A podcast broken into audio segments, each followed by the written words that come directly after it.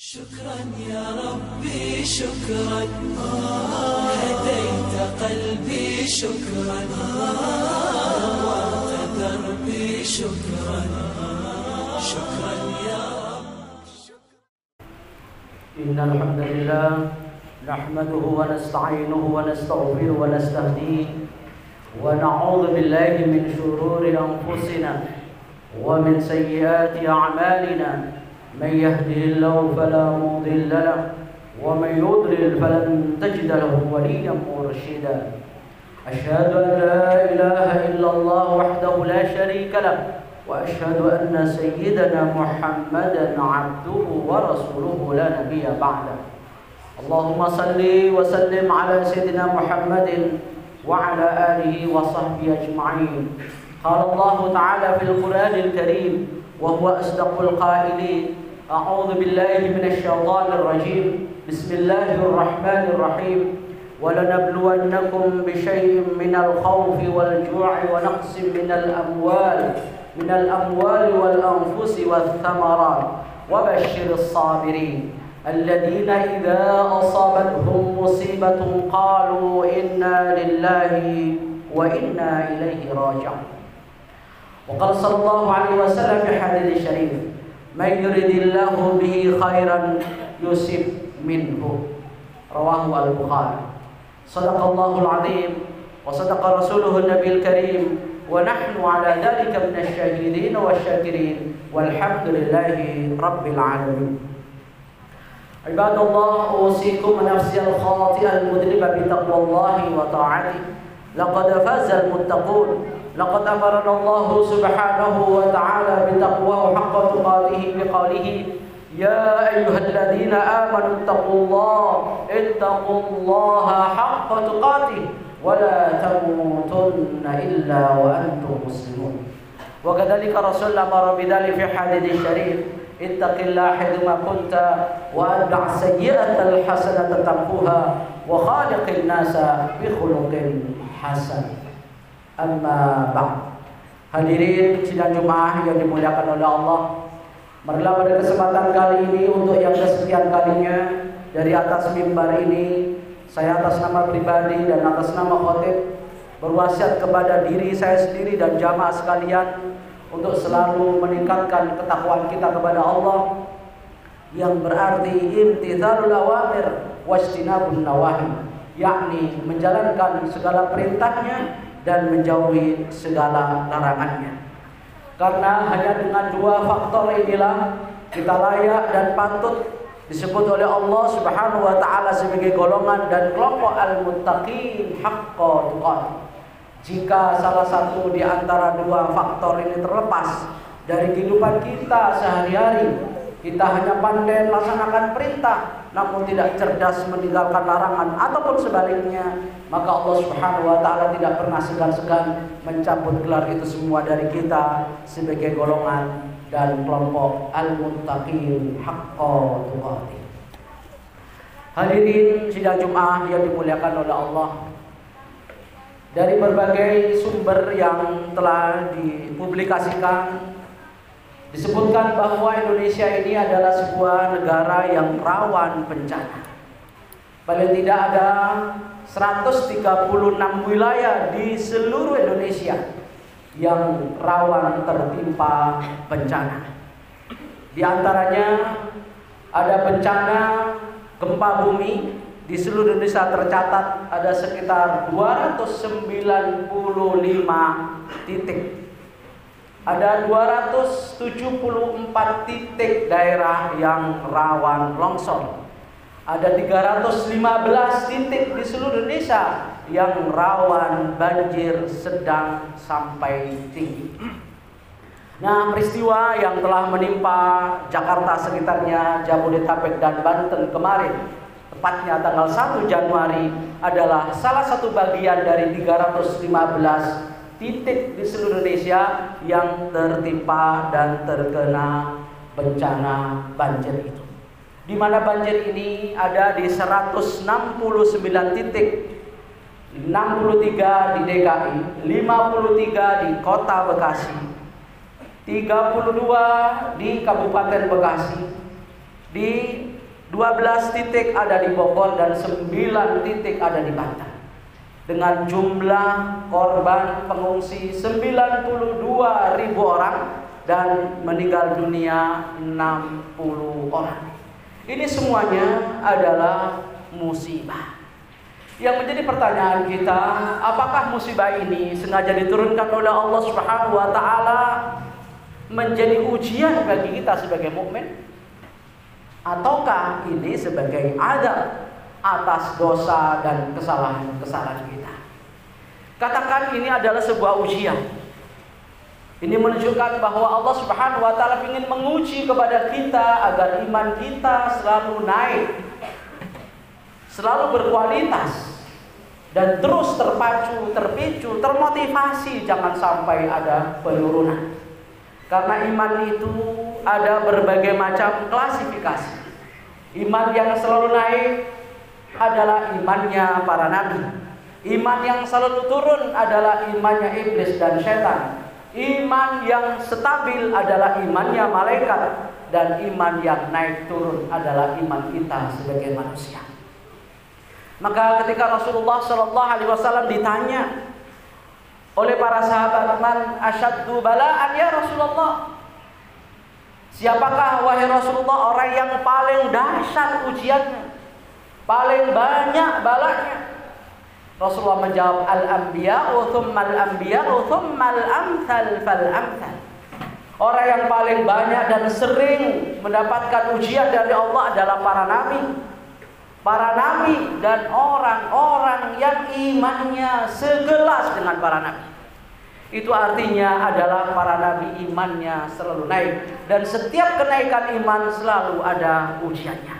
Itulah sebabnya kenapa kalau kita lihat sirah para nabi, riwayat dan kisah para nabi tidak ada satupun di antara mereka yang tanpa ada ujian, kendala, rintangan, hambatan dalam kehidupannya karena Allah ingin menaikkan iman iman mereka dengan berbagai macam ujian.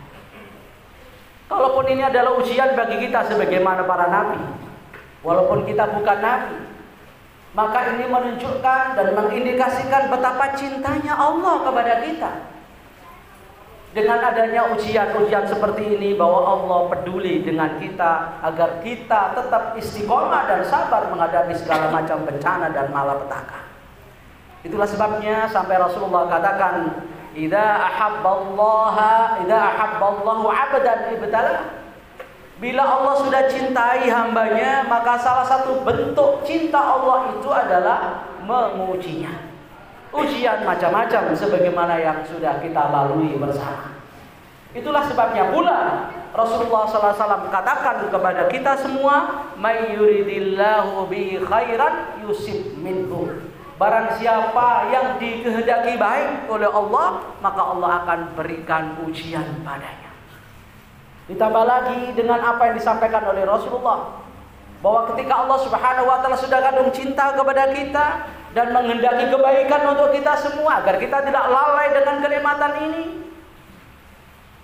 bahwa bencana-bencana itu dalam rangka untuk memberikan ujian kepada kita dan itu lebih baik diuji oleh Allah Subhanahu wa taala di dunia daripada nanti ditumpuk-tumpuk dikalkulasi dan dikoleksi sampai nanti kita akan mendapatkan siksanya di akhirat lebih pedih lagi. Rasulullah bersabda, "Man aradallahu bi'abdihi as'al khair."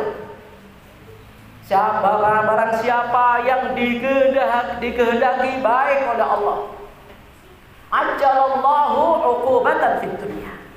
Maka Allah akan percepat siksanya dan ujiannya di dunia.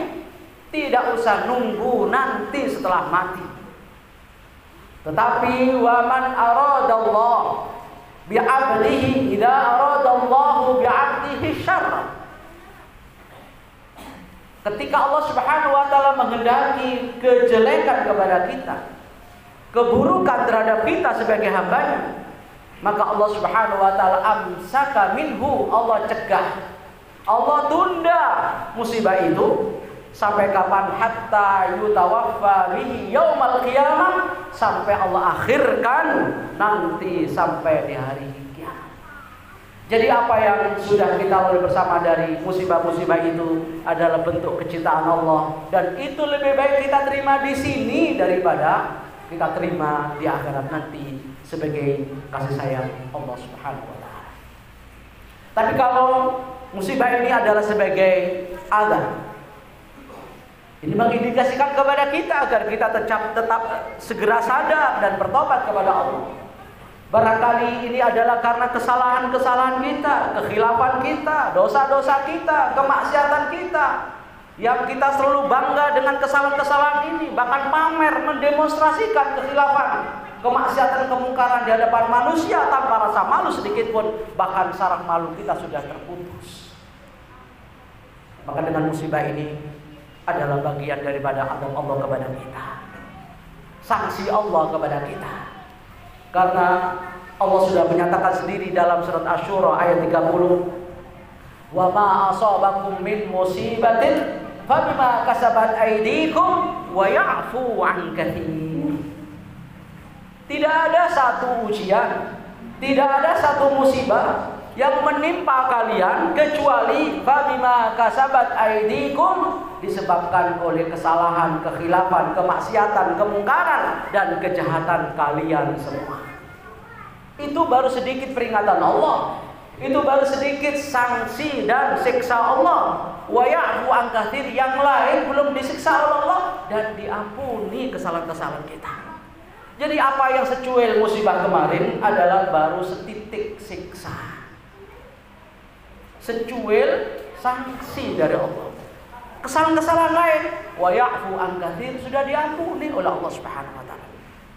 Lalu bagaimana seandainya semuanya gak diampuni oleh Allah, maka akan lebih parah lagi musibah yang menimpa kita.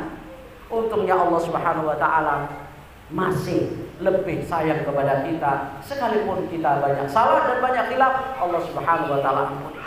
Itulah sebabnya kenapa Imam Ali bin Abi Thalib mengatakan dalam Al-Jawabul Kafi ayat halaman 87 ketika mengatakan ma nuzila balaun illa bidzambin wa ma rufi'a balaun illa bitaubatin.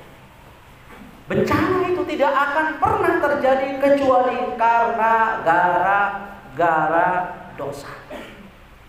Dan bencana itu tidak akan terangkat dan hilang musnah dari permukaan bumi kecuali dengan taubat. Jadi taubatlah yang insya Allah akan mengurangi kalaupun tidak bisa menghilangkan dari bencana-bencana yang datang bertubi-tubi, datang silih berganti, seakan tidak pernah berhenti menimpa negeri kita ini. Maka mudah-mudahan dengan peringatan Allah Subhanahu wa taala kita disadarkan untuk kembali kepada Allah Subhanahu wa taala. Hadirin sekalian yang dimuliakan oleh Allah, lalu bagaimana sikap kita menghadapi bencana-bencana seperti ini? Ada tiga minimal. Yang pertama sabar, tidak mencaci maki dan suudzon kepada Allah, tidak memaki-maki orang-orang sekitarnya, tetangga dan masyarakat serta pejabatnya, dan tidak stres menghadapinya dengan bunuh diri dan lain sebagainya. Tapi dihadapi walaupun sabar adalah habsun nafs menahan diri, pinginnya marah, tapi tidak jadi marah karena kesabarannya. Yang kedua, yang ketiga, yang kedua adalah ridho atas apa yang diberikan oleh Allah Subhanahu wa taala bagian daripada takdir dan iman kita kepada Allah Subhanahu wa taala salah satu rukun iman yang harus kita imani yaitu al-qada wal qadar khairihi wa syarih. Iman kepada qada dan qadar Allah baik atau buruk. Itulah indikasi bahwa kita iman kepada Allah yang salah satunya kepada kodok dan kodar Allah. Baik ataupun buruk kita terima karena itu sudah menjadi ketentuan Allah. Yang terakhir kita menghadapinya dengan penuh syukur. Mengapa? Karena yang hilang hanya harta benda. Karena yang hilang mungkin rumah dan perlengkapan rumah mobil dan lain sebagainya. Itu belum sampai menghilangkan nyawa kita. Kalaupun ada lebih sedikit yang hilang nyawanya daripada yang masih tetap langgeng sampai sekarang masih hidup. Itulah sebabnya kaum muslimin dan kaum mukminin dikagumi oleh Allah Subhanahu wa taala melalui rasulnya ajaban di amril mukmin idza asabathu sarra'u syakar fakana khairan lahu wa idza asabathu dharra'u sabar fakana khairan lahu urusan orang mukmin ini mengagumkan Segala urusannya selalu baik dan itu tidak terjadi kecuali bagi seorang mukmin. Bila ditimpa kebahagiaan dia bersyukur tetap dekat dengan Allah. Dan bila ditimpa musibah dia tetap bersabar menghadapinya tanpa mencela dan suudzon kepada siapa pun karena ini menjadi takdir dan pemberian Allah Subhanahu wa taala sudah tercatat sebelum kita terlahir ke muka bumi.